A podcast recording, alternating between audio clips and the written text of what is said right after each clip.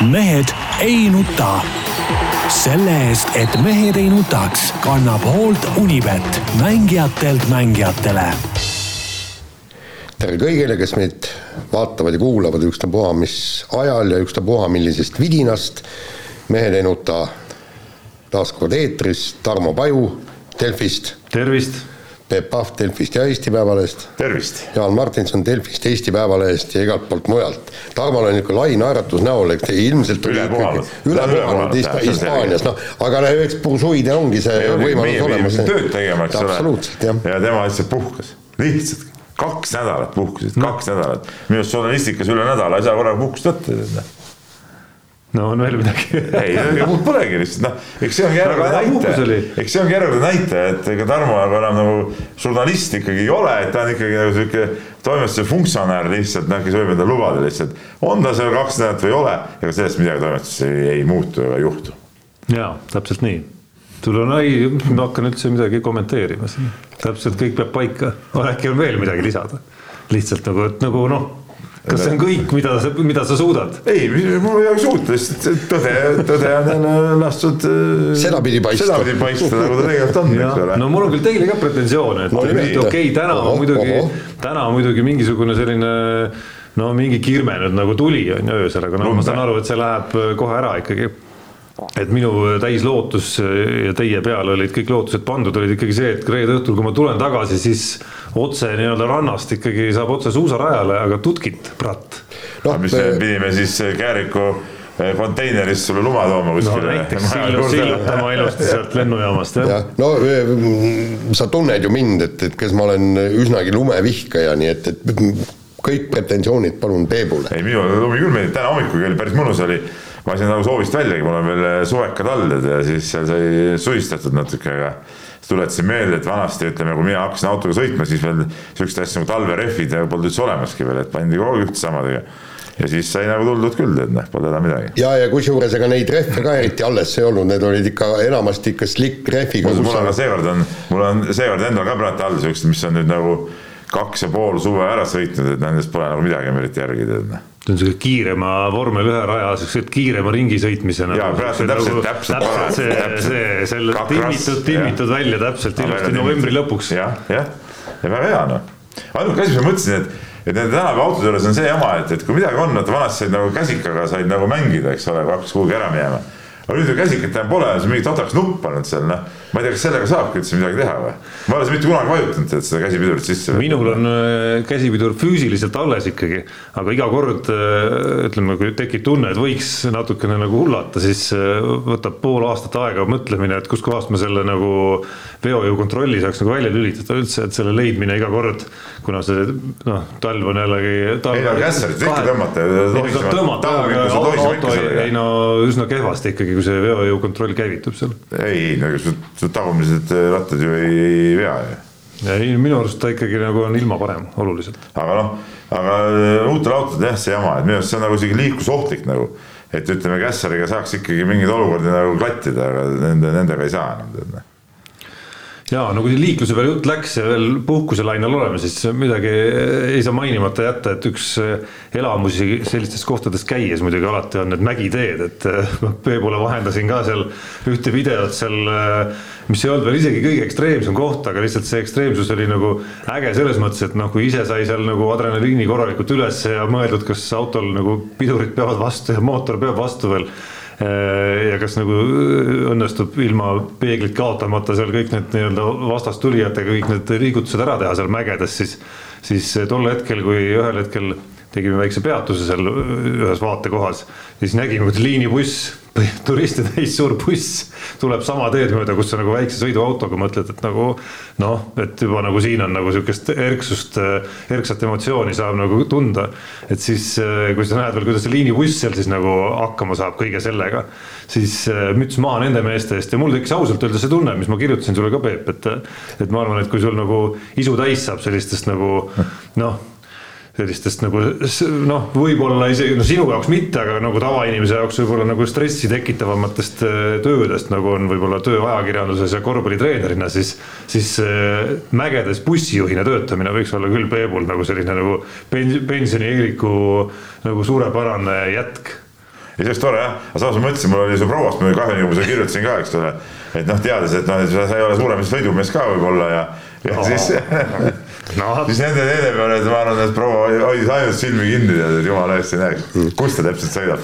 pigem, pigem on see ikka nauding seal. Ta on nagu eraldi elamus, et sinna võiks täitsa pileteid müüa minu arust. kuskil seal mäejalamile paned nagu pilet, muidu kiirteedel küsitakse maksu, et sinna paned nagu, see on nagu atraktsioon. noh, ütleme niimoodi, et, et jah, minge, mine Korsika rallile, siis saad mööda neid mäe, mägiteid panna hommikust õhtuni, nii et, et see, see ei ole väga vahva tegelikult. ei tead, on lahe, mulle ka meeldib et kui me käisime seal, see oli vist Kreeka ralli, kus ma saatsin just sulle ka video, kus nagu teed praktiliselt ei olnudki enam, eks ole. et mingi, mingi kruusahunnikust tuli ka mägedest üles panna, et see on, see on päris, päris äh, lahe. Nonii, kuule Peebul on siin vaja äh, va minna vaatama kuulsa Eesti korvpallikoondise trenni, et me paneme nüüd saatega kenasti siit minema ja räägime Peebul spordist ka. vaja, vaid, äh, vaid meie lugejad ootavad, et Peep läheks sinna ja ja ikkagi ja, äh, hakkaks tulema sealt ikkagi fakte, mida me veel ei tea. no, no juba sai korra, eile sai juba nüüd korvpallikoondise see äh, ütleme tsükli algus, see on nagu mul kadunud äi ütles, nagu koerte pulm, eks ole, et iga päev on mingi asi, tead noh. et, et äh, eile oli siis pressikonverents sai rääkida, täna siis trenn jälle saab midagi rääkida. ja siis sa pead minema, siis meil läheb Ats Kuldkepp läheb kaasa, saab kogu aeg midagi rääkida, et enne kui nagu asjaks läheb, on juba kõik jutud ära räägitud. oota, aga Peep, sa lähed sinna põhimõtteliselt trenni, aga mis siis on, kui sa näed, et nad tegelevad seal mingisuguse selles mõttes jamaga, näiteks no lahendavad seal äh, mingisugust kombinatsiooni. ega siis meie äh, trenni lõpp, lõpus me intervjuusid tegema, mis seal istuda ei saa. ei no, ei, ei no jaa, aga no see. sa mõtlesid, et te kutsute sinna nagu Keila korvpalliklubi peatreener ikkagi nagu panustama ja vaatama. ei, ei, ei, ma, ma just mõtlesin seda, et, et vaata, kui oleks saanud trenni ka näha ja sa näed, et nad arutavad mingit liikumist, aga seal on mingisugune kuradi jura sees või, või nad ei tee õigesti, et siis noh, saad kõrvalt hüüda, kuulge, jõu, mis jamate siin, kuule, Toiala vaata, seda lahendatakse hoopis niimoodi, kurat to,. No, olles, just tulnud nädalavahetusega valla tšempioniks, siis on nagu sel hooajal nagu üks tšempioni tiitel juba nagu taskus, mida teistel nagu. ma ei tea, palju siin nüüd selle hooaja need tšempionid on, et ütleme, sellest nagu õigustatud oleks igal juhul no pluss me ei hakka rääkima siin, aga noh, peame vist rääkima ikkagi ka reedesest võidust esiliigas. et siin mees ikkagi nagu noh vaata mõni mees näeb öösel lõvi unes ja siis tuleb siukse kõva bravuuriga välja, et noh, Peebu bravuuri juured peituvad siin ikkagi nädalavahetuse korvpallisaavutustes. see oli muidugi peatreeneri, ütleme suurepärane, ütleme taktikavalik, äh, mängu juhtimine ja jõustas jälle pluss kolme peal taktikalised vead ei lasknud, ei lasknud loomulikult, ei lasknud äh, Siim Raudla juhitud meeskonnal nagu olukorda päästa, et, et noh, nii on. Ühtlasi pean oma valla Äh, esindusmeeskonna esindajatele ikkagi nagu mingid noodid esi, esitama, et siin revanš peab olema ikkagi nagu võimas. no revanš võimas tuleb meie platsi peal seda no, magusam see saab, seda magusam seda, seda, seda magusam saab olema. seda varianti neile muidugi ei pakuta, see on selge. Nonii, lähme nüüd päris spordi juurde ja, ja räägime Anett Kontaveidist, jäi WTA finaalturniiril Gabrina Muguruzale finaalis kahes setis alla, aga aga üleüldiselt noh, nagu eilsel pressikonverentsil ja, ja ka pärast mängu ja kõik, et ütles, et on hooajaga igati rahule jäänud ja ja ega ta noh, ega ennast palju ei ole avanud, aga, aga ta noh, ütles, et, et siin ikka eneseusk oli kadunud ja, ja siis äh, Eh, treener Dmitri Tursunov tõi nagu selle eneseusu eh, talle aga tagasi. mul on üks küsimus tegelikult, et eh, kas rahule võis jääda terve hooajaga või selle hooaja lõpuga? no terve hooaeg ju tegelikult vahepeal oli ju suht, suht kesine, eks ole, et, et, et, et see lõpp oli muidugi võimas ja vägev, aga, aga seal ütleme hooaja keskel oli ikka palju probleeme, et niimoodi võib-olla ütelda ei saa, et terve hooaeg, et see hooaja lõpuga kindlasti, et seal tehti õiged otsused. saadi sihuke treener, kes, kes suutis teda ütleme, viia siis täitsa uuele tasemele, aga ütleme, hooaja esimene pool nii, nii särav nüüd küll ei olnud tegelikult. aga noh, hooaja ja terve aasta vaade kokku on ikkagi maailma edetabeli seitsmes koht. et, et kui oleks võib-olla hooaja alguses juba sama treener teinud, oleks võib-olla esimene koht, eks ole. no seda me ei tea, aga noh, et, et selles mõttes siis eh, on ka see hooaja lõpp kogu hooaja osa ikkagi on ju. ei, osa kindlasti jah. et, et, et selles mõttes peab olema ikka nagu päris hull, ma arvan, et öelda, et et ta peaks nagu kuidagimoodi minema sellele jõulu või aastavahetuse pausile vastu kuidagi nagu väga mõru meelega. ei no kindlasti ei saagi minna, ma just mõtlen, kas jutt käib nagu tervest hooajast või teisest poolest, eks ole. jaa, aga no ütleme nii, et, et kena, et no, Anett ütles välja järgmise eesmärgi ja mis noh, tegelikult kui ta poleks seda ka välja öelnud, noh, igaüks saab aru, eks, et no siin juba üsna legendaarsed tennisistid maailmas, endised tennisistid jõudsid enne teda juba öelda, et see peaks olema järgmine eesmärk. just, et võita Grand Slami turniir, aga just selle finaalturniiri pealt no jällegi, jällegi hakkas see, finaalini jõudis ta väga kenasti välja. ja vot seal on sul ikka kõva kivi vastas, sa kaotasid alagrupis. ikkagi poolfinaalis oli ka juba natuke. ei, ei poole, poole. see alagrupp viimane mäng oli, jah, jah, jah just, sellele samale Mugu ja mis ei otsustanud midagi, eks. ja, ja, ja seal oligi jälle, jälle tuli, tulevad sisse need hetked kui ta, kui ta tõesti kaotas oma pallingu mäng absoluutselt ei läinud ja siis oli seda jonnituuri oli natukene peale ja, ja ta ei saanud sellest kohe üle. aga, aga vot seal oli, ongi nüüd see, et, et mis oli siis, näitab see, et, et ta on vaimselt järgmisele tasele, tasemele tõusnud, et kui ta sellest äh, enesehaletsusest ühel hetkel üle sai, siis ta võitis ju nii oma pallingu game'i, vastase pallingu game'i nulliga ühesõnaga, see näitas jälle briljantset mängu, aga noh, lihtsalt Muguruza oli seekord liiga kõva pähkel, aga nüüd me hakkame, lähme Grand Slam turniiri, turniirile. Ja seal on vaja seitse mängu võita. vot see ongi nüüd, et, et kuidas ennast selle kogu seitsme mängu jo jooksul hoida ennast vaimselt ja füüsiliselt terav ja mängida oma parimat tennist sest äh, Grand Slam turniiril teistmoodi ei saa. no mitte ainult mängida oma parimat tennist, äh, ma kahtlustan, et seitse mängu on väga keeruline mängida kogu aeg oma parimat tennist algusest lõpuni kõik need mängud, ehk siis äh, küsimus on ka selles, kuidas sa nendel hetkedel, kui sa ei mängi oma parimat tennist, siis nagu hakkama saad ja eelkõige nagu vaimselt hakkama saad. tervikuna VTA ja kogu selle aasta lõpu, aasta lõpu nagu kaskaadi käigus näitas ta ikkagi nagu hoopis uut taset selles hakkama saamises, aga eks see finaal natukene ju viitas ka sellele, mida nüüd on vaja teha, et, et see nagu järgmine samm nagu edasi teha, sest ta ikkagi tunnistas minu arust oli seda ise, kes tunnistas ikkagi, et nagu närv oli sees ikkagi selles, selles turniiri faasis, kus läks nüüd finaali ja ikkagi nagu tema karjääri ülekaalukalt seni kõige suurema tiitli peale mängimiseks.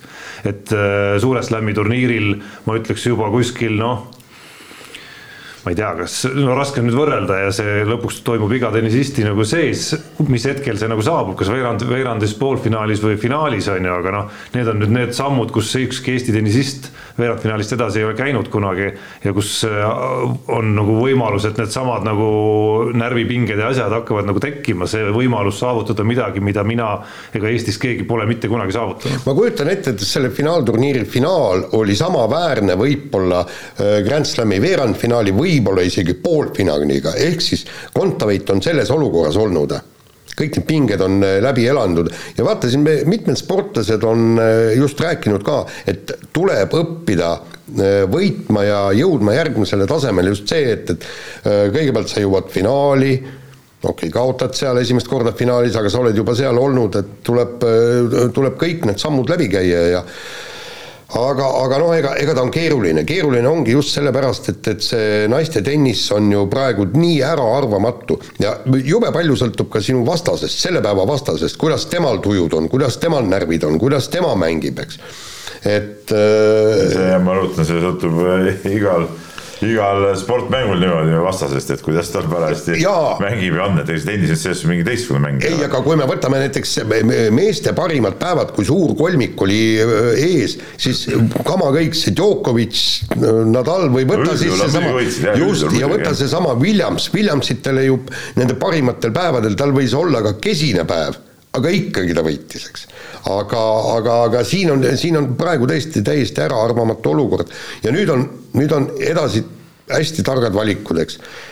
kõigepealt sügav ja tõsine puhkus, sellepärast et seda mängukoormust, nii suurt mängukoormust ei ole Anett Kontaveit mitte kunagi kandnud. nii, ja siis oh, lõpuks eriti tihedaks. just, just, ja just ongi see viimane periood, eks see on täpselt see, mida need tipptennisistid, kes on tõesti noh, mingi ajajärgul on, on, on seal esimesed, teised, kolmandad, nad kogu aeg kurdavad, et nii kui turniir tuleb, jälle finaalis, poolfinaalis, finaalis, finaalis, kõik, nad mängivad jube palju mänge. ja, ja siis, siis kuidas targalt ette valmistada ennast järgmisteks turniirideks ega väga pikk see, see paus ju ei ole. ei olegi ju. et, et seal jaanuari alguses juba on need Austraalia Openi eel, igast eelturniirid, eks ole, kus hakkad ennast sisse jälle mängitama, et et tennises jah, ütleme see karussell käib päris, päris pikalt ja see paus on lühike, et millal seda põhja seal laotakse ja tehakse, et see on päris, päris keeruline. ja aga, aga ma loodan, et, et Anett ähm, noh, kuulab targemaid inimesi äh, noh, ja, ja ükstapuha millistel spordialadel ja saab aru, et ei ole vaja karta puhata ei ole väga, vaatasin, paljud sportlased on rääkinud, et kuidas on niimoodi, ma võtan nüüd kaks-kolm päeva puhkuseks, aga minu rivaalid teevad trenni samal ajal. see on nagu see üks ehedamaid näiteid on meil Rasmus Mägi, kes ju kogu aeg nagu üritas teha pigem rohkem kui Just. vähem, eks ole, treeningplaani suhtes ja ja mitte kuskilt nagu järgi anda, et, et lõpuks, kui ta sai sellest aru, et see ei ole nagu õige tee siis nüüd paranesid ka ju kohe uuesti tulemused, eks ole. No äärmiselt huvitav hetk on igatahes tema karjääris, et, et noh, üks asi, kui kuulata, mida ta eile rääkis pressikonverentsil ka, et noh, loomulikult nad peavad ju tegutsema selle nimel, et mingeid tenniseelemente veel parandada ja lihvida seal ja see töö saab olla, ma usun, ükskõik mis tennisistiga sa räägid maailmas, isegi kui ta on maailma esireket, siis see töö on nagu lõputu tegelikult, et ükskõik mis eestkätt, tagantkätt servi, esimest servi, teist servi, tõrjet, mingit taktikat, stoppe, nii edasi, nii edasi, et no neid on võimalik lihvida ju tegelikult nagu lõputult, on ju samas see hüpe, mille Anett Kontaveit siin aasta lõpus tegi, ei tulnud ju selle pealt, et ta oleks hakanud nagu tehniliselt midagi, et äh, Tursunov oleks tehniliselt toonud midagi hoopis uut tema mängu, et see kõik oli ikkagi nagu vaimu poole peal. et, et, et see huvitavam pool millega, mida, millele on just nagu põnev ka nagu vaatajana kaasa elada, ongi see, et, et, et kuidas nüüd see areng nagu kas edasi läheb või, või paigale jääb, et et ega see on ju pidev töö iseendaga, et, et sa ei mõtle üle ja sa ei mõtle, mis saab siis ja mis saab seal ja ja kas ma jõuan sinna või jõuan tänna, on ju, ja kas ma seal mängu sees ja mängude vahepeal igal pool suudan nagu elada selles hetkes, milles ta ütleb, et ta on suutnud hakata nagu paremini elama, on ju. et see on nagu põnev osa seal ja, ja see oleks, see oleks see intervjuu, mida ma jääks nagu veel ootama Anett Kontaveidiga siin nende, ma ei tea, olgu ta nüüd lähiajal või tulevasel ajal või, või tema eluloo raamatus kunagi, et noh, et et, et kuidas ta nagu täpsemalt jõudis nagu tegelikult selleni, kuhu ta praegu on jõudnud, aga noh, see tee on nagu pooleli siis ka. muide, ma eile, eile rääkisin mis inimese... võtetega ja mis nippidega ja. tegelikult, et kuidas ta selle, selleni nagu jõudis, et et, et ma ise olen siin viimast, viimastel aegadel natukene, natukene sarnasest vallast mõnda raamatut lugenud, et see juba sellepärast on nagu huvitav, et mis nippidega nagu tema selleni nagu jõudis ikkagi. eile ma äh, rääkisin ühe inimesega, kes on noh, mingil määral noh, tähendab kaude, et on saanud jälgida kogu seda protsessi ja teab seda natukene neid si si si sisemisi asju ja tema ütles, et noh, et ähm, Tursunovi esimene sõnum oligi Anetile oli see, et sa kasuta oma tugevaid külgi et see oma mängus, eks, ja, ja just, et ära teistele mõtle, mõtle see, et, et kuskohast need võidud, punkti või need äh, punktid tulevad, eks. et keskendu sellele, aga nüüd, nüüd tuleb jällegi dilemma. Äh, no see, see on igavene dilemma, kas võimendada oma tugevusi ja, ja jätta oma nõrkused, noh, aitad neid natukene järgi või siis proovida minna mitme, mitmekülgseks, ehk siis keskenduda oma nõrkuste tugevdamisele. see tähendab seda, et, et ütleme, et päris tugevad või trumbid võivad nagu muutuda nõrgemaks, see on, see on, see on kogu spordi dilemma ju. see on kogu spordi dilemma ja, ja kuidas siit, aga, aga siis mulle ka räägiti, et, et äh, just see, et, et kui ta füüsiliselt, on ta tõesti, on väga hea ja ta on kogu aeg äh, väga hea olnud ja mulle kirjeldati ka, kuidas ta no, seda füüsi-, ja väga hea füüsilise treeneri, kuidas seda füüsilist trenni teeb. Öeldi, et, et kui ajakirjandus saaks minna seda trenni vaatama, siis see oleks nihukene pärl.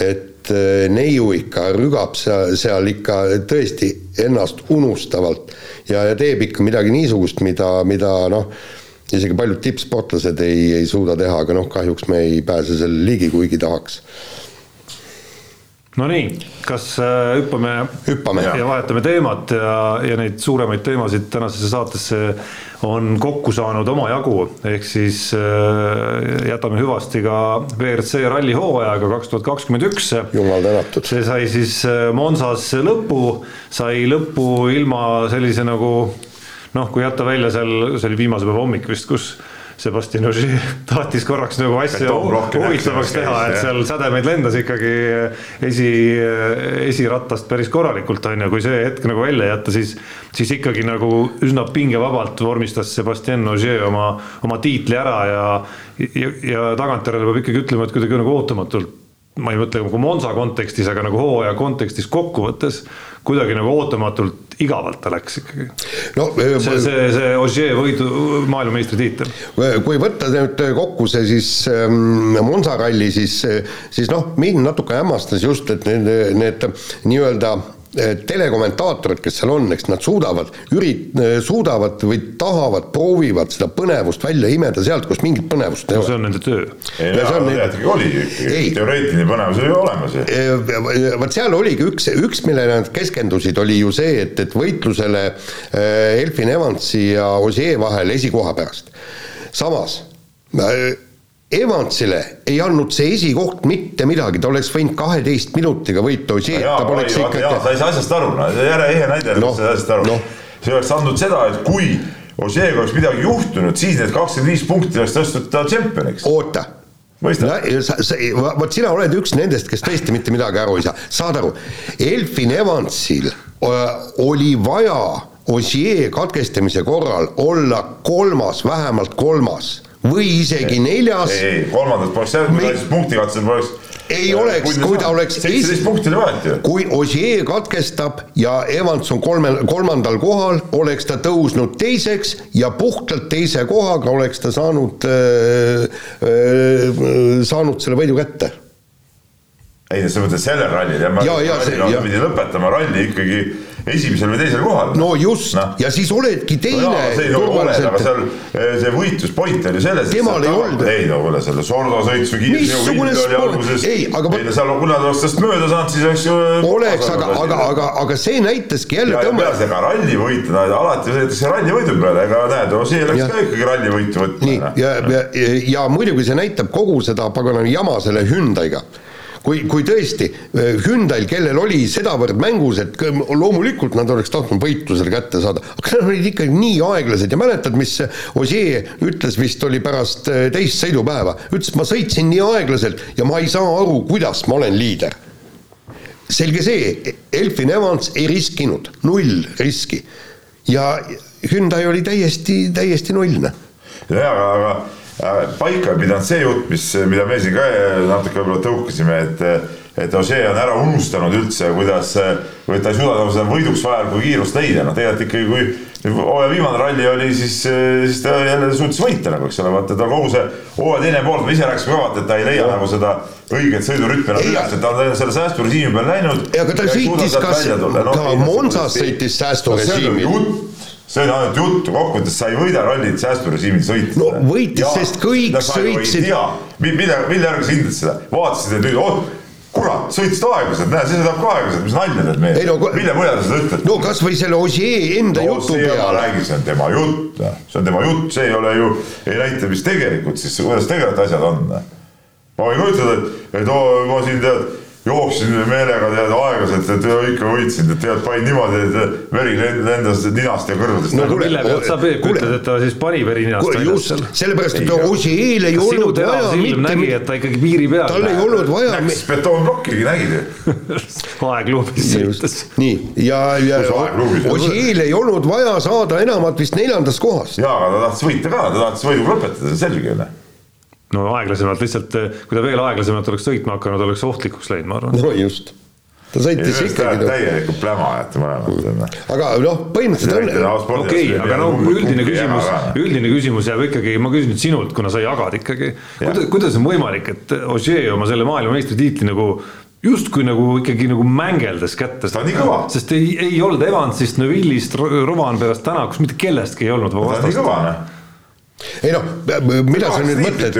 mis sa nüüd mõtled, et, et, et naljaga said need tiitlid kätte? lihtsalt, lihtsalt äh, ütleme, olid vahepealsed aastad. täna tuli mulle mu juurde jutuga, hakkas rääkima, et, et Osei ongi läbi aegade parim rallimees, ma ütlesin, et lööbil on üks tiitel rohkem, siis ta hakkas siin oma teooriat ajama, et sa küsid äh, põhimõtteliselt, kuidas ta nii lihtsalt sai, seepärast saigi, et ta ongi nii kõva. ei, aga, aga kes tal oli vasta-, vastas, tähendab Toyota ja isegi Ogier on ise ju tunnistanud, et neile tegi elu väga lihtsaks see, et, et Hyundai'ga olid pidevad jamad et põhimõtteliselt see, see Hyundai lihtsalt langes sellest võistlusest välja. nii, ta, tal oli ainukene konkurent oli Elfin Evans, sisuliselt, sest Kalle Roandpere on liiga noor selleks, et, et võita ja ja sa rääkisid juba kaks aastat tagasi, et Roandpere tuleb, võidab kohe ära. ei, ma ei ole kunagi öelnud, ta võidab kohe ära, aga kaks hooaega sõitnud, pole saanud kuskile. Ega no tulebki kogemusi, mis see eelmine hooaeg? no, kaks MM-rallit võitis ikkagi, et no, see aasta, see aasta Rovanperal ei olnud ju halb kokkuvõttes. jah nii, ja, ja, ja, ja põhimõtteliselt ega seal ei olnudki ainukene, kes oli, oli, oli Elfin Evans ja kes, kes ütles, et tal läks hooaja keskpaik lässu ja, ja kõik. Ožeel läks sisuliselt. kaks rallit vahepeal ära. no võitis küll, aga. no jaa, aga neil, neil autod lagunesid täiesti ära ja kiiruskatseid kokku võitsid ju tegelikult Hyundai, Hyundai rohkem. Hyundai oli kehva muidugi, see on selge, Hyundai oli kehva jah. aga see ei näita seda et Ožee pole üks eh, kõige parem sõitja, Ožee on paratamatult ikka kõige parem sõitja praegu. on, on, ei muidugi on, muidugi on, ei. seepärast ta võidabki sinu arust nagu ebahuvitavalt, et vaat sina vaatad seda, mina vaatan igat rallit nagu eraldi, mind see hooaja seis, ütleme, kui ma lähen rallile, ühele rallile, siis see hooaja seis mind hetkel nagu ei paelu üldse, mina vaatan igat ralli võitu eraldi, igat ralli võistlust. no jaa, aga, aga hooaja teine selle pool oli täielik null oli ju see. sellepärast sellepärast ma ei ole ka selle poolt, mida sina siin propageerid minu arust et, et hakkame andma seal, ma ei tea, iga iga päeva eest mingeid punkte nagu eraldi nagu võidupunkte ja nii edasi. see ongi jama, see rallivõit on kõige tähtsam, rallivõit. ja Võist... aga mikspärast siis see nii kõva mees nagu Ossier oli, ralli teine pool, ta oli ju ainult üks kord enne seda Monsat oli poodiumil no,. kehv on. no ei olnud nagu kehv, teised olid ka head, et siis ei öelda, et teised nii kehvad olid kogu aeg. no jaa, aga siis ta ei ole, vähemalt hooaja teises pooles ta ei olnud parim rallisõitja no,. kokkuvõttes oli ju. no kokkuvõttes oli jah nii, aga no Ott Tänaku jaoks äh, põhimõtteliselt nagu äh, elus maha kantud äh, ralliaasta või? sportlas, sportlase aasta. üks võit. no üks võit, viies koht MM-i kokkuvõttes. nii äh,. no selles mõttes ta ei olnud konkurentsis ikkagi lõppkokkuvõttes. hooaja lõpusirgel. sa ütled, et ta ei olnud konkurentsis, noh, et kui ta oli nagu kui ta oli, sõitis, siis ju oli mitmeid rallisid eriti kohe esimeses pooles, kus ta ju katkestas ju tegelikult eh, olles kõige kiirem mees tegelikult. ja, ja, ja selgelt liidri kohalt. konkurentsis MM-tiitli pärast. Portugal, no ütleme, kui ta seal ei oleks, siis see auto tõesti, selles on Jaani õigus, et auto oli muidugi kehva, eks ole. aga, aga ütleme, need rallid, kui ta oleks seal võitnud, oleks seis hoopis teine olnud ju noh. et oli see kõige kiirem mees, siin pole midagi rääkidagi. küll aga olid ka mingid spetsiifilised rallid, kus ta seda Hyundai'd ikkagi sõitma ei saanud, noh. eriti puudutab see asfaldit muidugi, noh et seal ta reaalselt ei saanudki seda sõitma, et, et, seal nagu mingid siuksed vastu äh,, kuidas ma ütlen, vastuolud nagu olid nagu siis tema hooajas ja, ja, ja sellepärast ei olnudki hooaja kokkuvõttes nagu, nagu sa ütled, konkurentsis. Rally Estonia kaks rehvi purunemist. ei no okei okay., no seal need, seal olid võib-olla mingid oma eksimused ka ikkagi. no jaa, aga no ütleme niimoodi, see ikkagi, ikkagi see tervik, läheb rohkem ebaõnne, ebaõnne kilda, täpselt sama oli ju äh, Monte Carlos. selles suhtes ma ei ole nagu Tanis Ordo selle arvamusega küll nõus, mis ta siin, see oli vist selle ralli eel. jaa, no sinna ma tahtsingi järgmisena. tuli mingisuguse täieliku, ma ei tea, täiesti suvalise plämaga tuli välja, eks eks ole. siis ta luges üles neid mingeid, mingeid vendi, kes, kes järgmine aasta on nagu äh, tiitli pretendendid ja siis, siis nagu Tänakut seal ei olnud, no see, see saab olla, lauslollus saab olla, kui, kui sa niimoodi seda asja välja käid, et selge see, et ega ma ütlen, et loomulikult Evansid, äh, Neuvillid, kõik on ülikiired ja on tiitli pretendendid. aga öelda, et nagu Tänak on kuidagi vähem tiitli pretendent kui, kui Neuvill no seda ma nüüd küll, äh, sellega küll nõustuda ei saa. eriti, kui ta on juba maailmameistriks tulnud, on ju. ja erinevalt Neuvilist. just. jah no.. ja, ja eriti veel, kui see uus auto ei ole enam Neuvilli auto, vaid see on juba ütleme noh, ma ei tea, kas nende mõlema auto või, või, või noh, see on mõlema jaoks nagu hoopis uus kogemus, eks ole, see praegune auto jah, võib-olla tõesti, et Neuvillil oli nagu parem sõita selle Hyundai kokkuvõttes no olukorras, kus uuest autost ju no tegelikult keegi ei tea midagi, selles mõttes eriti just, et kuidas siis nagu ma ei tea, Toyota ja Hyundai näiteks omavahel ja Ford hakkavad nagu siis nagu välja nägema siis. et noh, tundub nagu suht mõttetu isegi midagi ennustada. ei olegi, ega siin ongi see, see, ma, ma arvan, kõik need need teated, mis on tulnud, kui üks ütleb, et no me oleme arenduses sealmaal ja teine ütleb, et me oleme arenduses, ma ei tea, ei ole nii kaugele jõudnud, noh, need ei ole kõik tõsiseltvõetavad, noh, see kõik on sihuke umbluu lihtsalt, tead noh. mida autospordis väga tihti aetakse, siukest täielikku jama tegelikult. ja, ja kolmas, kolmas asi on ju see, et, et ei ole absoluutselt mitte mingisugust äh, nagu, nagu äh, tänane hooaeg näitas, ei, ei ole tähtsust sellel, kui auto on hea ja kiire aga kui ta laguneb. Ja, ja, ja, ja seal on ju kõik uued süsteemid, kõik, et noh, see on nii auto ei ole hea, kui ta laguneb, ta võib olla kiire, aga ta ei ole hea. ei, ei ma mõtlengi, et, et ta oli no, kiire. hea ja kiire, kui ta laguneb, siis ta ei saa olla hea, kui ta laguneb. ja ei, auto oli kiire, aga laguneb jah ja. et ja, ja, ja siin ei saagi me see, tegelikult ka järgmine aasta algab, ega selle äh, Monte Carlo ralli kohta. see on täielik järgmine, siis tuleb, äh, siis tuleb lumerall. erinevad rallid, eks ole, Monte Carlo, lumi, siis ma ei tea, ma ei mäleta, kas see kalender, kas lähevad Mehhikosse ka jälle sinna kuskile mägedesse. ei, vist ei lähe või? vist seekord ei olnud. no lihtsalt seal on kõik need erinevad äh, rallid, eks ole, et, et ja seal mingi asjade ralli tuleb kohe peale Just. ja nii edasi, et noh et kuskil alles hooaja teises pooles me võime Saab hakata ütlema. jah. no olemata nagu tehnikaalal, eh, omamata tegelikult sisuliselt mingit pädevust siis äh, loogika vähemalt ütleb, et, äh, et auto ju läheb oluliselt nagu keerukamaks, kogu see ülesehitus äh, sellega, et sul on nagu see hübriidi osa seal nagu juures, eks. ehk siis nagu justkui rohkem asju, mis saab katki minna. ei no see hübriidi osa, ega see kiiruskatsetel ei, ei mängi. ei no vahet ei ole, katki aga... saab ikka minna. ei no, no katki saab minna, aga, aga põhimõtteliselt sa saad sõita siis ju kui sa saad katsete vahel ka tavamootoriga edasi sõita, ma olen niimoodi aru saanud. tegelikult aga, see, see no, otseselt ei mõjuta sind. ei no seal, seal tuleb just. see vaatad raskemaks ja seal on häda häda sellega. ei no seal, seal, seal tulevad mängu noh, nagu Ott Tänak isegi ise ka ütles, et, et enam sa, sa pead oma sõidustiili muutma, sellepärast et pidurdustes, pidurdades kogud seda energiat, mida siis teatud, teatud kohtades saad kasutada, eks, et saad auto kiiremaks, eks, ja, ja kui sa sõidad niimoodi, et sa tõesti ei pidurda, sa lähed küll külg ees, eks, see noh, pidurdus on väike, siis sa seda energiat ei kogu, sa ei saa seda enne vallandada, kui sul on see nii-öelda paak täis, elektripaak on täis ja, ja see, see läheb täiesti noh, arusaamatuks. teine asi on veel see, mis võib-olla Tänaku sõitu võib ka eriti mõjutada, on see raskemaks muutmine, muutumine, sest vaat Tänak on alati ajanud taga seda, et auto oleks võimalikult kerge, võimalikult kerge. ütleme näiteks, ma arvan, et et äh, Daniel Helenaga sõites Tänak ei olekski kuhugi jõudnud, eks ole, et tema jaoks oleks see auto ilmselgelt liiga raske. muide, see ju võttis, äh, Järveoja võttis ju kehakaalu ka mingi kuus kilo võttis ja, alla. ja, ja tema sõidustiil nagu eeldabki seda, et auto oleks võimalikult kerge, et kui see nüüd läheb raskemaks, siis ta peab veel rohkem nagu ümber kohanema, et tema jaoks see võib olla suht keeruline muidugi. ja, ja kusjuures ta on ju mõningatel, mõningatel punktikatsetele ta on ju ka läinud nii, et, et ta ei võta isegi seda tagavara rehvi kaasa üksikud korrad on olnud nii. et ühesõnaga see, see, mis tuleb, see on täiesti, täiesti teadmata ja kõik. Ühtviisi põnev, ühtviisi noh, noh, tahaks ikka teada, et, et mis võib juhtuma hakata.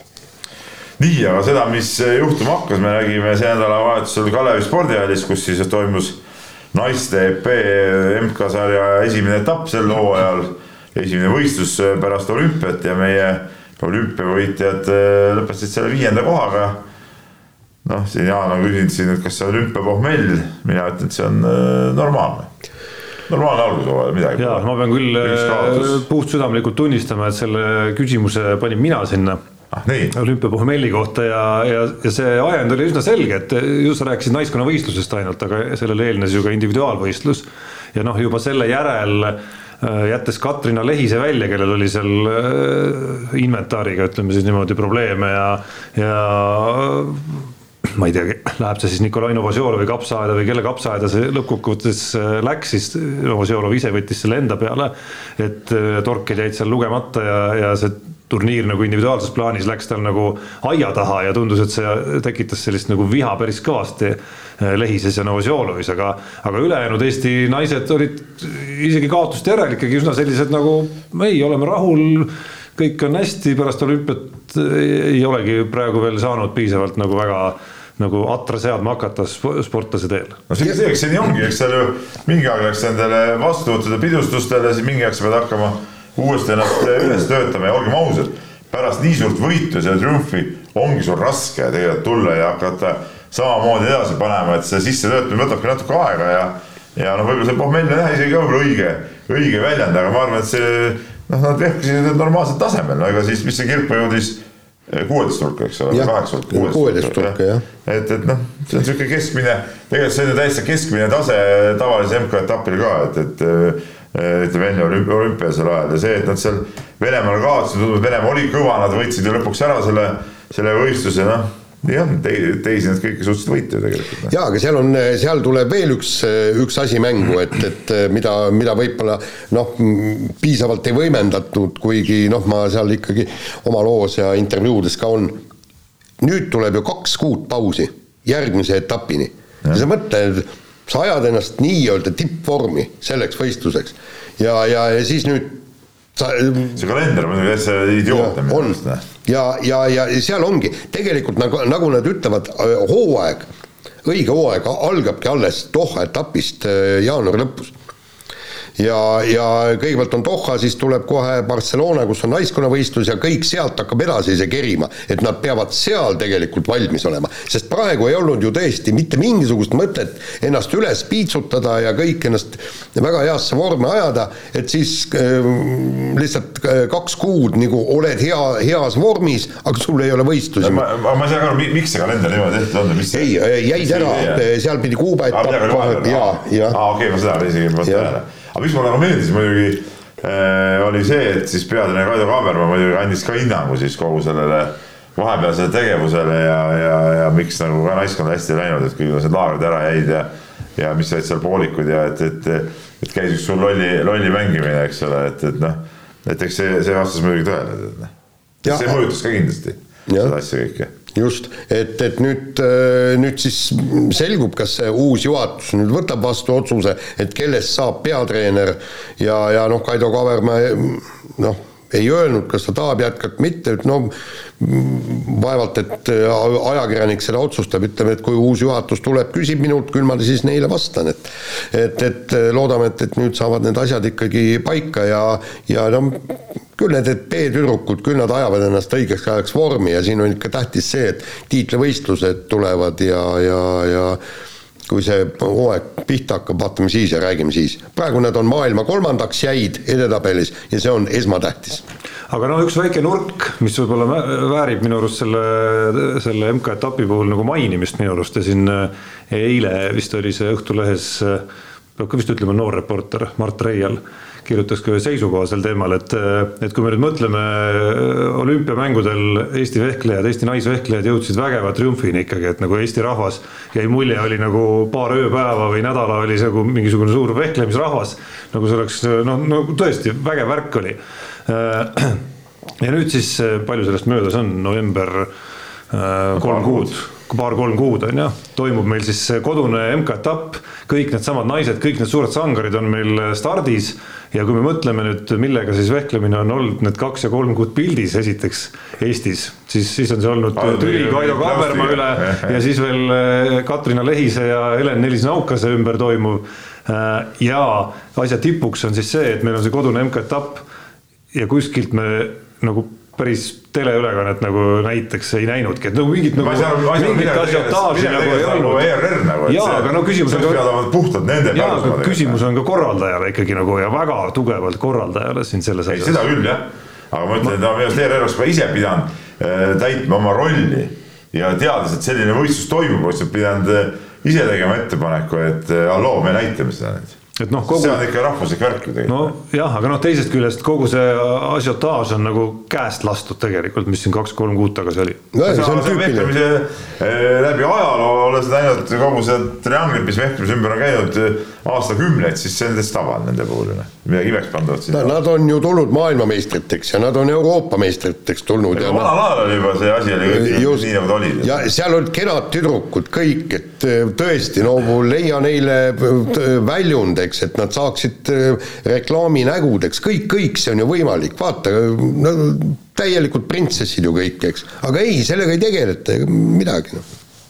no on sul, on sul usku, et, et, et see nüüd muutub siis, et, et mingi võim siin vahetus, president tuli uus, ei usu, ei usu. No ta eluaeg läi- läinud niimoodi. see president on juba olnud president, ma rõhutan. ja no tema oli selles ajastus, kus ma mäletan noore spordireporterina äh, ei, ei olnud võimalik vehklejaid telefoni teel kättegi saada, kui neil MK-etappidel kehvasti me läks. andsime oma kõnekaardi neile kaasa. me, me, isegi jah, siis, kui kehvasti läks, nad ei võtnud vastu ei, ei, küsimus ei olnud, jaa, me lõpuks nad ütlesid, et väljamaal on kallis kõnesid vastu võtta, siis me andsime oma kõnekaardi vastu, leppisime kokku, et kuule, olge head, et pärast turniiri pange sisse, turniiril läks veel hästi, helistame, muhvigi.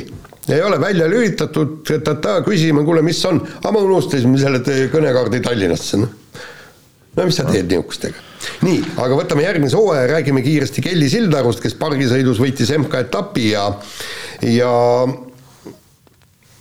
ausalt öeldes ma vaatasin seda seda vist ETV-st tuli see, näidati siis tema, tema se- seda sõitu ja siis noh, ma pidin kohe vaatama, et kas on kuskil kirjas, et arhiiv või midagi niimoodi, seepärast et kui ma ko- käisin, käisin seal äh, Aspenis äh, X-mängudel, kui Kelly oli kolmeteistaastane, täpselt sama, kõik on täpselt ei sama. tea, aga mis seal, aga ma eile just rääkisin meie äh, kuidas ma ütlen siis, no, no ka ütleme noor reporter Kalvetiga siis, kes käis kohapeal ja, ja, ja, ja ma rääkisin sama juttu, et noh, et kõik on ju täpselt äh, samasugune ja suht nagu igav, tead, me hakkasime mõtlema, et aga võib-olla see spordiala ei olegi kuhugi areneda. et, et eriti, mis puudutab seda totakat reilide peal sõitmine, mis on nagu selle, selle, selle, selle nii-öelda distsipliini minu arust äh, kõige igavam äh, osa, eks ole. Aga mida sa seal välja mõtled, mis sul järgmine käte peal tuleb sealt mööda käsipudel?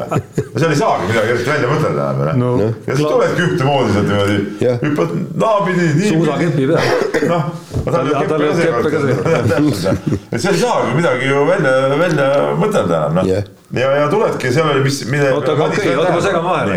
Jaan, sa oled käinud päriselt ka nendel võistlustel, kas mehed seal reilide peal see on- on suutnud midagi välja ei, mõelda? ei, ega meestel oli ka see, see reilid on noh, niisugune kohustuslik osa, ehk siis nad võib-olla tõesti sealt teevad natukene, natuke särtsakamalt kõike, kõike seda ja kõik, eks, aga nende need põhi ja suured hüpped, vot seal on ikka juba show'd. aga selle, selle spordiala ehk pargisõidu traagika on ju selles, et sa võid seal hüppe peal teha mida iganes, eks ole, kui sa reilide pealt oma punkti kätte ei saa, siis nende hüpetega sa kuhugi ei jõua, et seal on ju, kuidas see oli, seal on viieks, viieks osaks oli jagatud see, eks ole ja, ja iga see sektor annab sulle maksimaalselt kaksteist punkti, et, et, et äh, sa ei saagi neid punkte kätte, kui sa seal reilide peal oma neid asju ära ei tee. Ja noh, Kelly Reili sõitu oskab kõige paremini. Teeb oma need suts-suts ära seal, võtab sealt päris head punktid ära, tal on sellega juba ju päris kõva, kõva edu käes. Ja ta ei peagi võib-olla neid kaheseid, kaheseid äh, saltosid seal tegema seal mäe peal enam tead noh. nii et äh, kui püsib terve Kelly, on olümpiamedal kindel. no medal on igal juhul kindel, küsimus selles, et mis seisus on see, see Hiina tüdruk, kes äh, ei võistelnud noh. ja ega vaata, seal ongi see, et, et see Kelly medal ei sõltu, kui ta nüüd jääb nagu selle, selle kava juurde, ei tee oma kahekordseid saltosid, siis temast ei sõltu see öö, medal või kuldmedal, sõltub öö, rivaalidest, kas nad teevad oma parimad trikid ära või ei see, see tee. sõltub natuke rajast, aga olümpial pidi olema teistsugune rada kui nüüd. et sellel MK-etapil jälle äh, sõber Kalvet mulle seletas seda nüanssi, kes on väga palju neid võistlusi käinud muuseas ja minu arust Eestis üldse kõige paremini jagab seda asja. see oli rada oli olnud hästi, kuidas ma ütlen, nagu kokku pressitud või kompaktne, et need olid hästi üksteise lähedal ja juba sellepärast ei saanud ka need, kes üldse teevad neid kaheseid hüppeid, et seal nii palju seda hoogu ja aega ei olnud, et, et teha näiteks mõlemal mäel seda, mõlemal hüppel seda mingi kahekordset või üldse seda kahekordset on päris raske, raske Mm. proovida, et, et seal osad proovisid, aga seal kukkus seal nii kui sa käe maha paned, on ju kohe On räige kõik, miinuspunktid, eks ole. et, et, et see, aga ta ütles, et nendes X-mängudel ja ilmselt ka olümpial on see rada nagu natuke teistsugune, seal on nagu rohkem ruumi nendeks, nendeks asjadeks, Just. kust hüpetakse. nii, aga no päris mööda ei tahaks minna, kuigi järgmises saates saame rääkida juba oluliselt asjalikumat juttu, ma kujutan ette, Jaan on et praegu õnnelik, ma kohe segan vahele, sest mul õnnestus eh, Jaan eh, tema palvetele vastu tulla ja ta saab eh, sõita siis sinna, kus on päris lumi. suusaalade MK-etapi ütleme avalöögile, ütleme ta on põnevuses praegu, põnevuses ja. ja ta on õnnelik, et ma tulin talle vastu, eks ole. ühesõnaga no, murdmaa kahevõistlus, suusahüpped algasid juba ja laskesuus kõik, kõik on nüüd nagu lahti minemas. jah, noh, laskesuusa kohta ei oska midagi öelda, aga, aga. ei, mis ei oska, laskesuusa eile oli ka pressikonverents. ei, ma tean, mina ei oska. alles suusatama, eks ole, noh. jah. asi areneb seal. nii, ja no Kristjan Ilves Norra meistrivõistlustel eh, liigset optimismi ei sise, ei sisestanud, sellepärast, aga no vaatame, tal on võib-olla see hüppemägi sobib, aga, aga sõidukiirus sõidukiirust, sõidukiirust on vaja, aga, aga ütleme, meie murdmaasuusatajatest, nende kohta on ka. ma olen valmis kihla vedama, Marko Kilp nagu alati, hooaja esimesel etapil saab igal juhul punktidele ennast. ta on veel äh, selles, ütleme, äh, kuidas ma ütlen, selles kvalifikatsioonisõidus saab päris kõrge koha. noh, ja siis ilmselt ikkagi seal äh, veerandfinaalis pudeneb või kui mingi imeläbi saab seda, siis poolfinaalis jääb viimaseks. jah ütleme, ütleme see ja, ja nii ongi ja siis järgmistel etappidel paraku elu on näidanud, et rohkem punkte ei tule, mis on iga aasta olnud niimoodi. no just. noh, sellepärast me mõtlesimegi Jaanilise komandeeriga esimesed etapid, et sealt saab vähemalt need punktid eh, ära, et saab panna see pealkiri, et, et eh, mis sa tegid, Marko. No. no mina isiklikult loodan, et eh, Marko Kilp teeb selle nagu esimese osa ära kõigepealt, ehk siis see, mida sa rääkisid siin eeloleval nädalavahetusel ja siis võtab transkriptsiooni sellest sinu ennustusest ja paneb selle edaspidi endale kuskile nii rahakoti vahele. no ole riietusruumi, kui nagu pallimänguvõistkondadel ei ole, on ju, et saaks panna motivatsiooniks kogu aeg sinna, aga. aga noh, kuhugi, suusakoti kuhugi suusakoti peale võiks kleepida selle transkriptsiooni ja, ja see peaks siis tiivustama. no aga siis ma olen väga rahul sellega, et see sai välja öeldud ja see on aidanud mehe siis näiteks olümpiamedalile seal Pekingis. tänab võidukõnes. jah Peep Pahvi, innustajat. ja äkki selleks ajaks on juba muutunud natukene see olümpia, ütleme, tiitlivõistluste medalite premeerimine, nagu abimeeste premeerimise ja, süsteem ka, et ta saab otsustada, et äh, ikkagi selle motivatsiooni kõne eest. et mina olen nagu see nii-öelda vaata, kui siin tänapäeval on populaarne see äh, vaimne pool ja ütleme, siis ütleme, mina saangi selle psühholoogilise abi eest, mis ma nagu andsin. no enamikku ma arvan. jah, jah et selles suhtes on okei okay.. suusatehnika ja mahud, need on. see on kukesupp selle kõrval. seda oskab igaüks. noh, Kontaveidi puhul, eks, vaimselt sai tugevaks, kohe tulevad võidud. täpselt, noh aga äh, kiireks, kiirelt, kiirelt, kiirelt äh, markeerime ka ära sellesama sündmuse, millega seoses äh, Peep juba vaatab kella närviliselt, sest et varsti peab ta Saku Suurhallis olema Eesti korvpallikoondise treeningud, avatud treeningud väisamas. Ehk siis Eesti koondis sel nädalal on maailmameistrivõistluste valikmäng alustamas ja no sissejuhatuseks sobib, ma arvan, üsna samasugune lause, nagu siin me rääkisime uuest rallihooajast, et et nagu suht mõttetu on midagi nagu väga tõsiseltvõetavat no. ennustada sellel ja ma räägin ka, miks ma tahan seda öelda. sa saad aru, ma arvan, sest see puudutab nii Eestit kui ka meie vastaseid, Saksamaad ja, ja Iisraeli esimesi vastaseid lugesin siin just mingit Saksamaa treeneri nagu hädakisa ka sellel teemal, kui raske ja võimatu on, on tal nagu kätte saada mängijaid äh, vähegi nagu korralikest klubidest e-, eesotsas oma Euroliiga klubidega, ühesõnaga, et eks see pilt on nagu väga sassis kogu aeg. selles osas, mis koosseisus keegi tuleb või ei tule ja ma arvan, et siin sakslased äh, ja, ja iisraellased, no ega nad väga hästi nagu ei tea, võib-olla tänasenigi täpselt, mis, mis koosseisudes nad nagu mängivad. no Jukka Toiala eile arvas, et näiteks Iisrael siia neid Euroliiga mehi siiski toob, et, et et see on, on nädalavahetuse mäng, siis, siis Euroliigat ei ole küll aga selge, et, et Saksamaal, äh, Saksamaa koondises Euroliiga mehi sel, meiega mängus ei ole. ja, ja, ja äh, küll ta juhtis tähelepanu, et seal ikkagi peaks olema kõiksugused Bundesliga päris head mängumehed, aga, aga, aga minu suurem mure, tühjad vastased vastasteks, minu suurem mure on praegu Eesti enda koondisega, et, et meil on ikkagi, ikkagi päris keeruline seis, meil ei ole selget, noh, ütleme, meil ei ole põhitsentrit, kuigi Rauno Nurger nii-öelda, nii-öelda teise tsentrina, kes nüüd peab seda rolli hakkama ilmselt kandma, on on VTV-s hästi mänginud ja meil ei ole ikkagi ütleme selget head number ühte praegu ehk mängujuhti, et äh, Timo Sokk ei, ei tulnud, tal on see jalg veel ikkagi valus ja, ja ilmselt, ilmselt seda kohta peaks täitma siis Kristjan Kullamäe, kes ei ole ju tegelikult ju kuude kaupa mänginud ja, ja mängupositsioonil ütleme, mängupraktika kindlasti on üli, ülioluline, et, et, et see on nagu põhimure ja ma nüüd loodangi, et täna saab äkki Kristjan endaga ka rääkida, seal natuke uurida ja meil neid küsimärke veel, et näiteks Henri Trell, kes ei ole see hooaeg ju saanud äh, eriti mängida ja, ja noh, neid murekohti on on päris palju. Noh. jah, ja noh, ega Rauno Nurger on hästi mänginud, aga Rauno Nurger on mänginud hästi eelkõige nendes mängudes, kus Kalev Cramo tagamehed on on ta nagu väga hästi ka kaasanud teda ja noh, kui meil on mängujuhiga omakorda teistpidi võib olla probleem, noh siis, siis, siis see probleem laieneb ikkagi nagu kõikidele positsioonidele laiali, et selles mõttes on nuputamist siin, siin nagu päris kõvasti, aga ärme siia praegu siis pikemalt kinni jää, vaid laseme kõlli.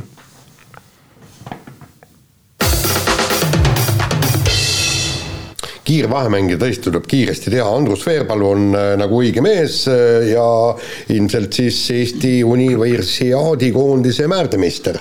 No minu arust see on täielik jama ja, ja ma ei, ma ei saanud nagu aru, et kuidas see meie Akadeemilise Spordiliidu ja nüüd ka Vehklemisliidu. akadeemilise kusjuures. akadeemilise ja nüüd ka Vehklemisliidu siis äh, president, president, seltsimees Vee Tõusmäe.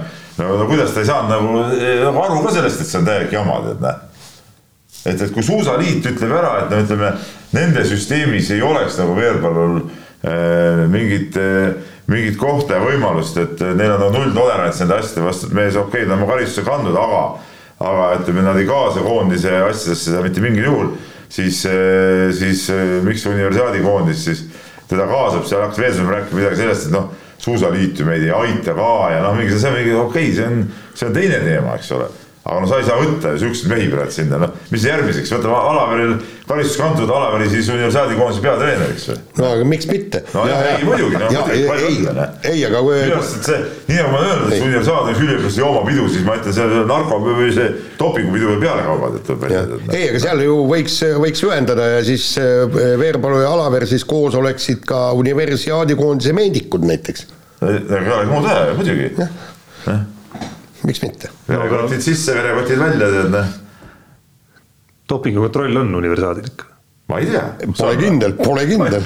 no seal napsuga jäävad vahele või kas see. naps ei ole keelatud, napsu sa ise propageerid ju. seda, et no aga võistluse ajal seal, et kas see äkki äh, ära ei, ei mata nii-öelda seda dopingu jälgi või? naps või? et desinfitseerib ära kõik ju. Peep, püüa vahetame teemat. Äh, sai siin mainitud juba Eesti äh, korvpallureid natukene. Noh, Kristjan Kullamäed, kellel välismaal on läinud juba paar kuud päris kehvasti, Henri Trell, kellel läheb päris kehvasti ja kelle kohta on viimased jutud, et, et pärast koondise pausi ta ei lähegi Itaaliasse oma praeguse klubi juurde tagasi ja siin käivad jutud Poola, ühest Poola klubist, mille nime vist ei ole välja käidud isegi Siim-Sander Vene, meie koondislastest äh, üks liidreid on ka veel tegelikult tööta, tema no, ajutine, ajutine leping Prantsusmaal sai läbi.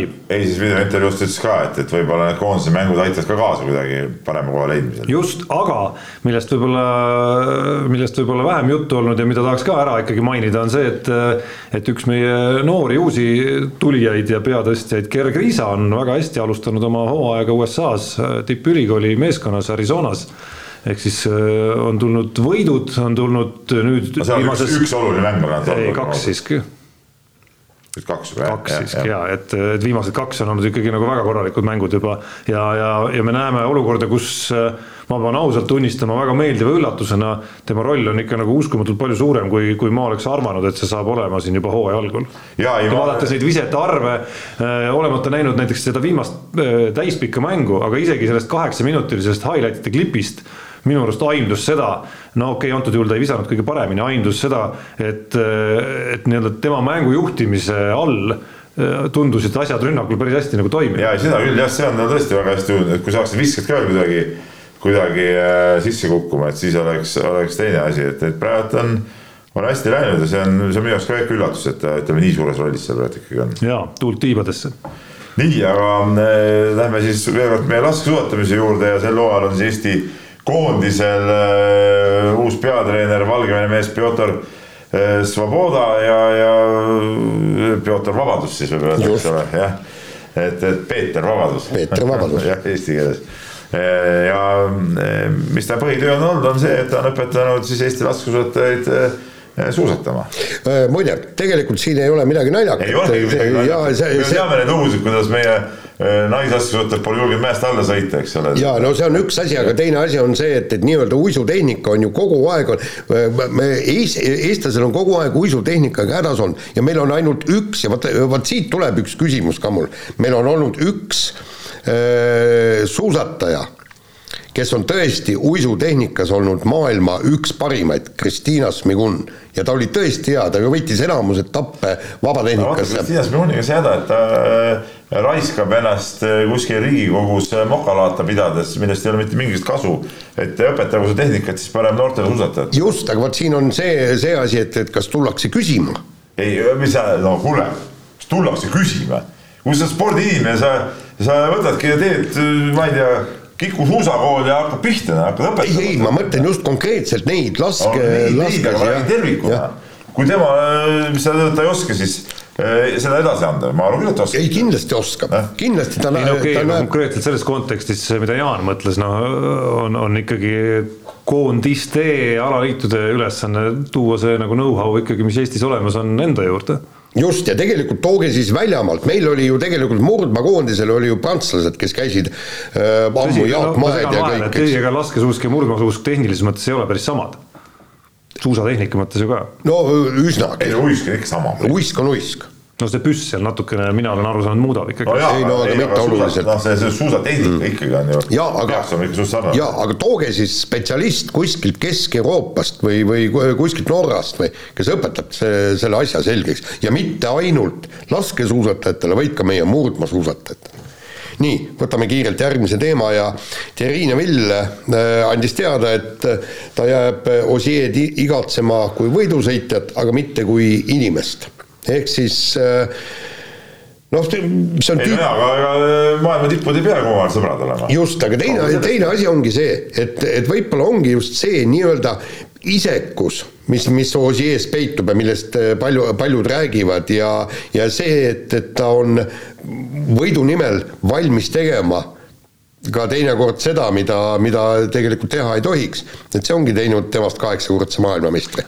kui, kui isekas ta siis on, kui Ott Tänak ju saab temaga nagu väga hästi jällegi läbi? Noh, see on nii ja naa, ega me täpselt ei tea, siin jutu järgi küll, aga, aga kui palju see tegelikult on, eks ma ei tea, ähm, just, just Latvala kaardilugeja äh, rääkis, kuidas Volkswagenis asjad käisid.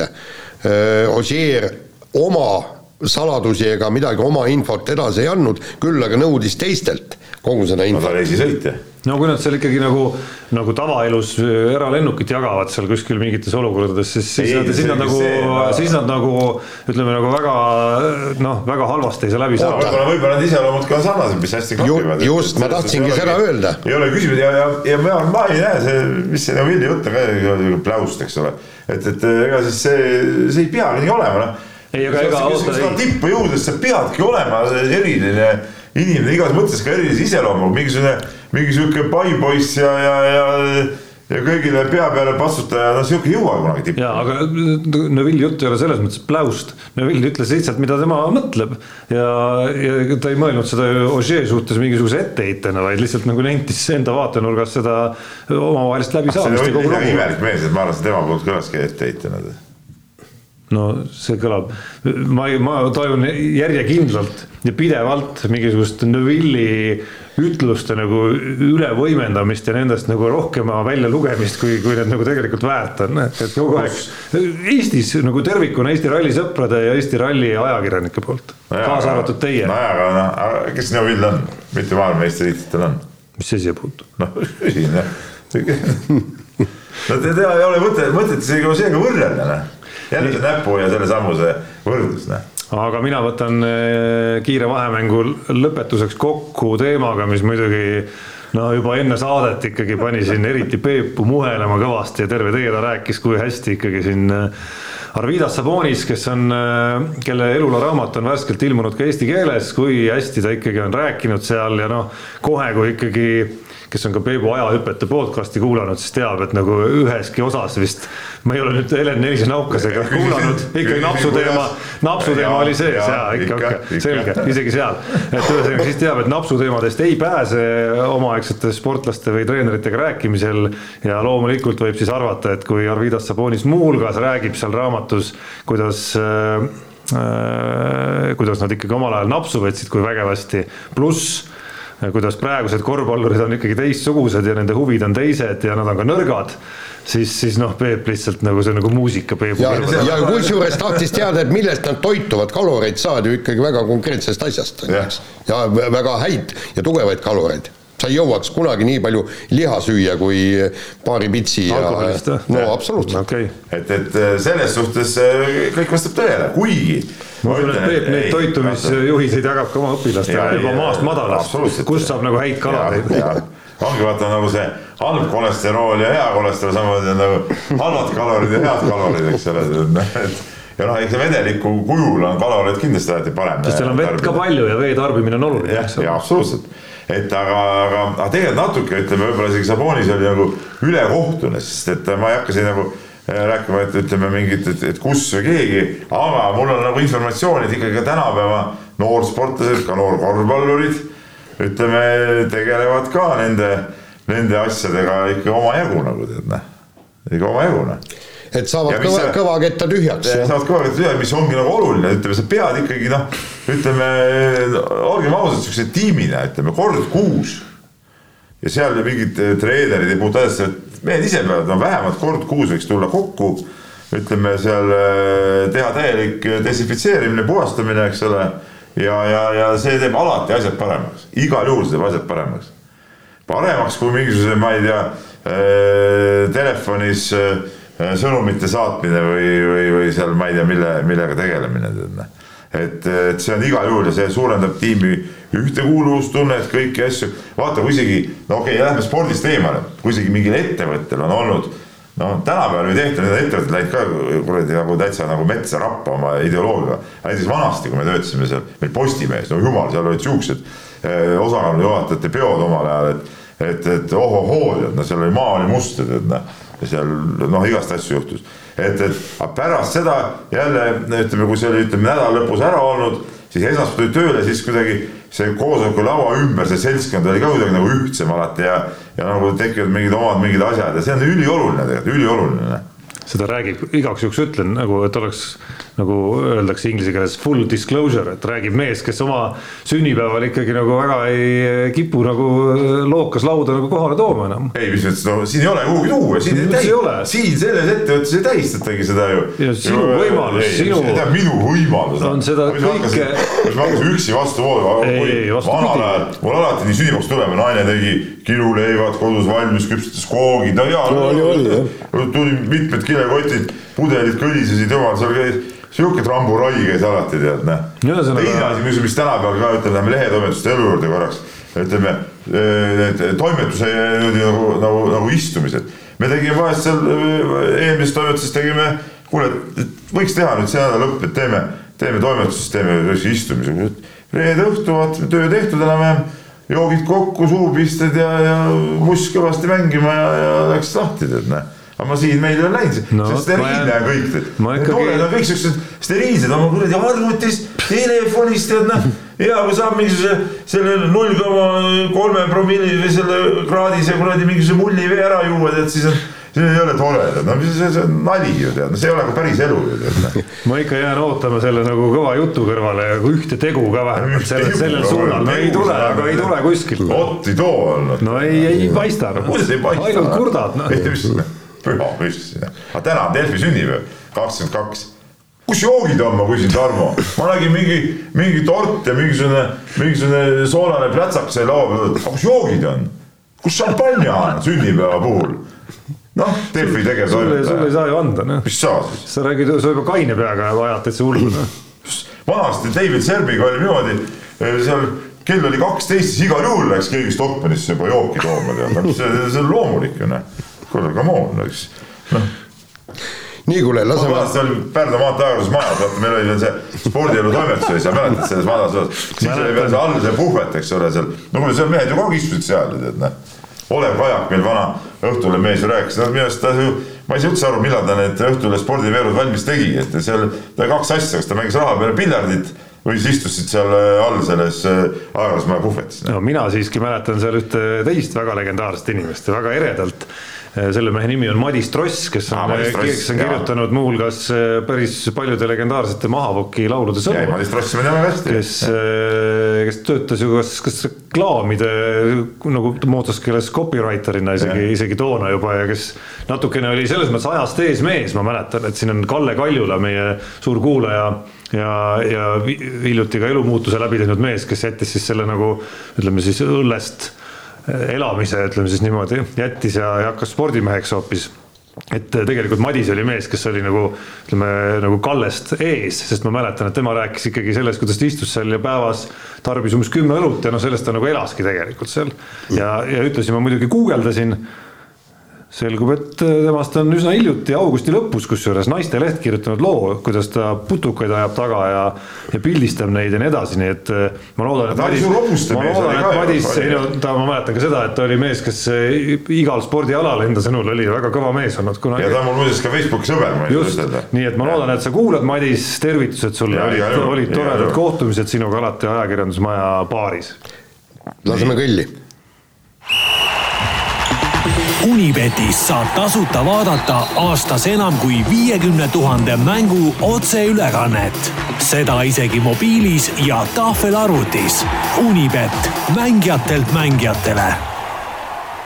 veel ei ole ennem ütlemata, me läksime siin nagu ütleme siin äh, läksime natuke hoogu selle teemaga, et see Samonis raamat ilmselt on väärt lugemist, tahtsin seda ka ütelda. oi jaa, kindlasti. tasub lugeda, et ma kavatsen selle ise ka nüüd esimese võimalusel kohe läbi töötada, eks ole.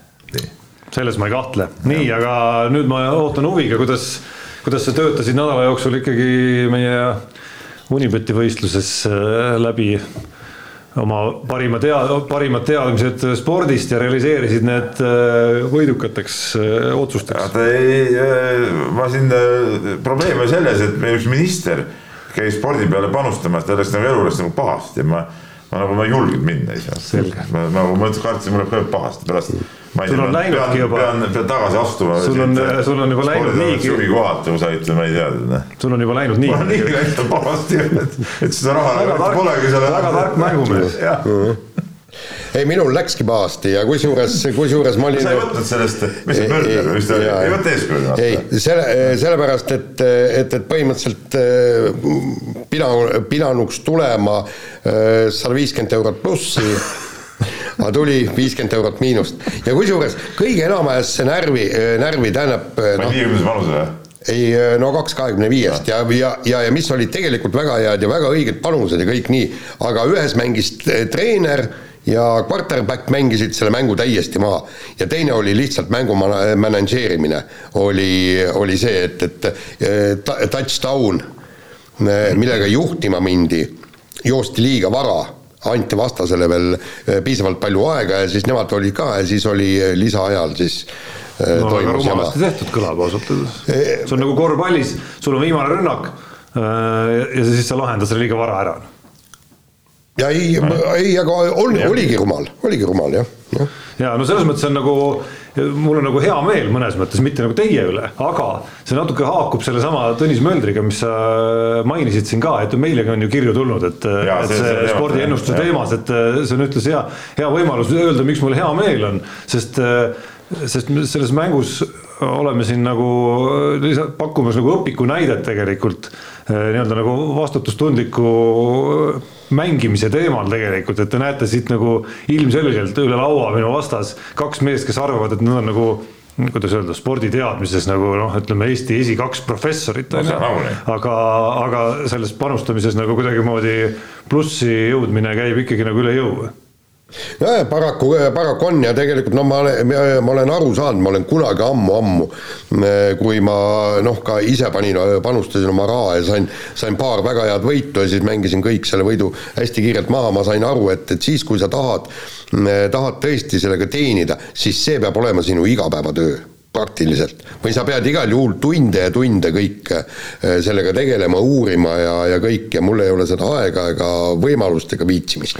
no meil on jäänud selle omavahelise jõuvõtu või, või jõuproovi, jõuproovi lõpuni noh, peaaegu poolteist kuud jah, et äh, ma ikkagi nagu päris ei passinud, võitsin ühe üsna obskuurse panuse, nimelt siis hakkasin laupäeval olles tagasi koju jõudnud vaatama BC Kalev Cramo ja TalTechi mängu ja võtsin siis lahti neid kuulsaid live-panuseid, kus siis ühel hetkel tegin ühe väga, väikese kohustusliku lükke sellele, et TalTech ei kaota seda mängu rohkem kui kahekümne punktiga. Ja siis tänu sellele, et Kalev Cramo otsustas viimasel rünnakul, et nad rohkem korvi taga vajama ei hakka, siis sain hingata rahulikult. enamasti sellised panused lõpevad kaotusega, nii et näis, kas siit lõpuspurti tuleb teilt veel või mitte. nii, aga lähme ruttu nüüd kirjade juurde, ma võtan paar kirja võttes, ma pean tõesti kohe varsti lahkuma, et teadlane priit. uue nädala nutta eripanuse, ütlen ka veel, et seal, seal äh, sai valitud välja Kaunase, Žalgiris äh, mäng võõrsil Barcelonaga külla Jassikevitšusele ja see, et nad ütleme siis sama handicap'i teema, kolmteist ja pool punkti on selle liin. nii, aga äh, lähme siis jah, teadlase Priidiku kirja juurde ja kõigepealt ta kirjutab natuke siin segast juttu, et kas me, kas teised saatejuhid ei peaks härra Martinsonit vaband-, vabandust paluma, kuna minevikus on nende poolt pälvinud palju kriitikat. härra Martinsoni kinnituskontaveidis on taset olla maailma top kümme tennisisti hulgas.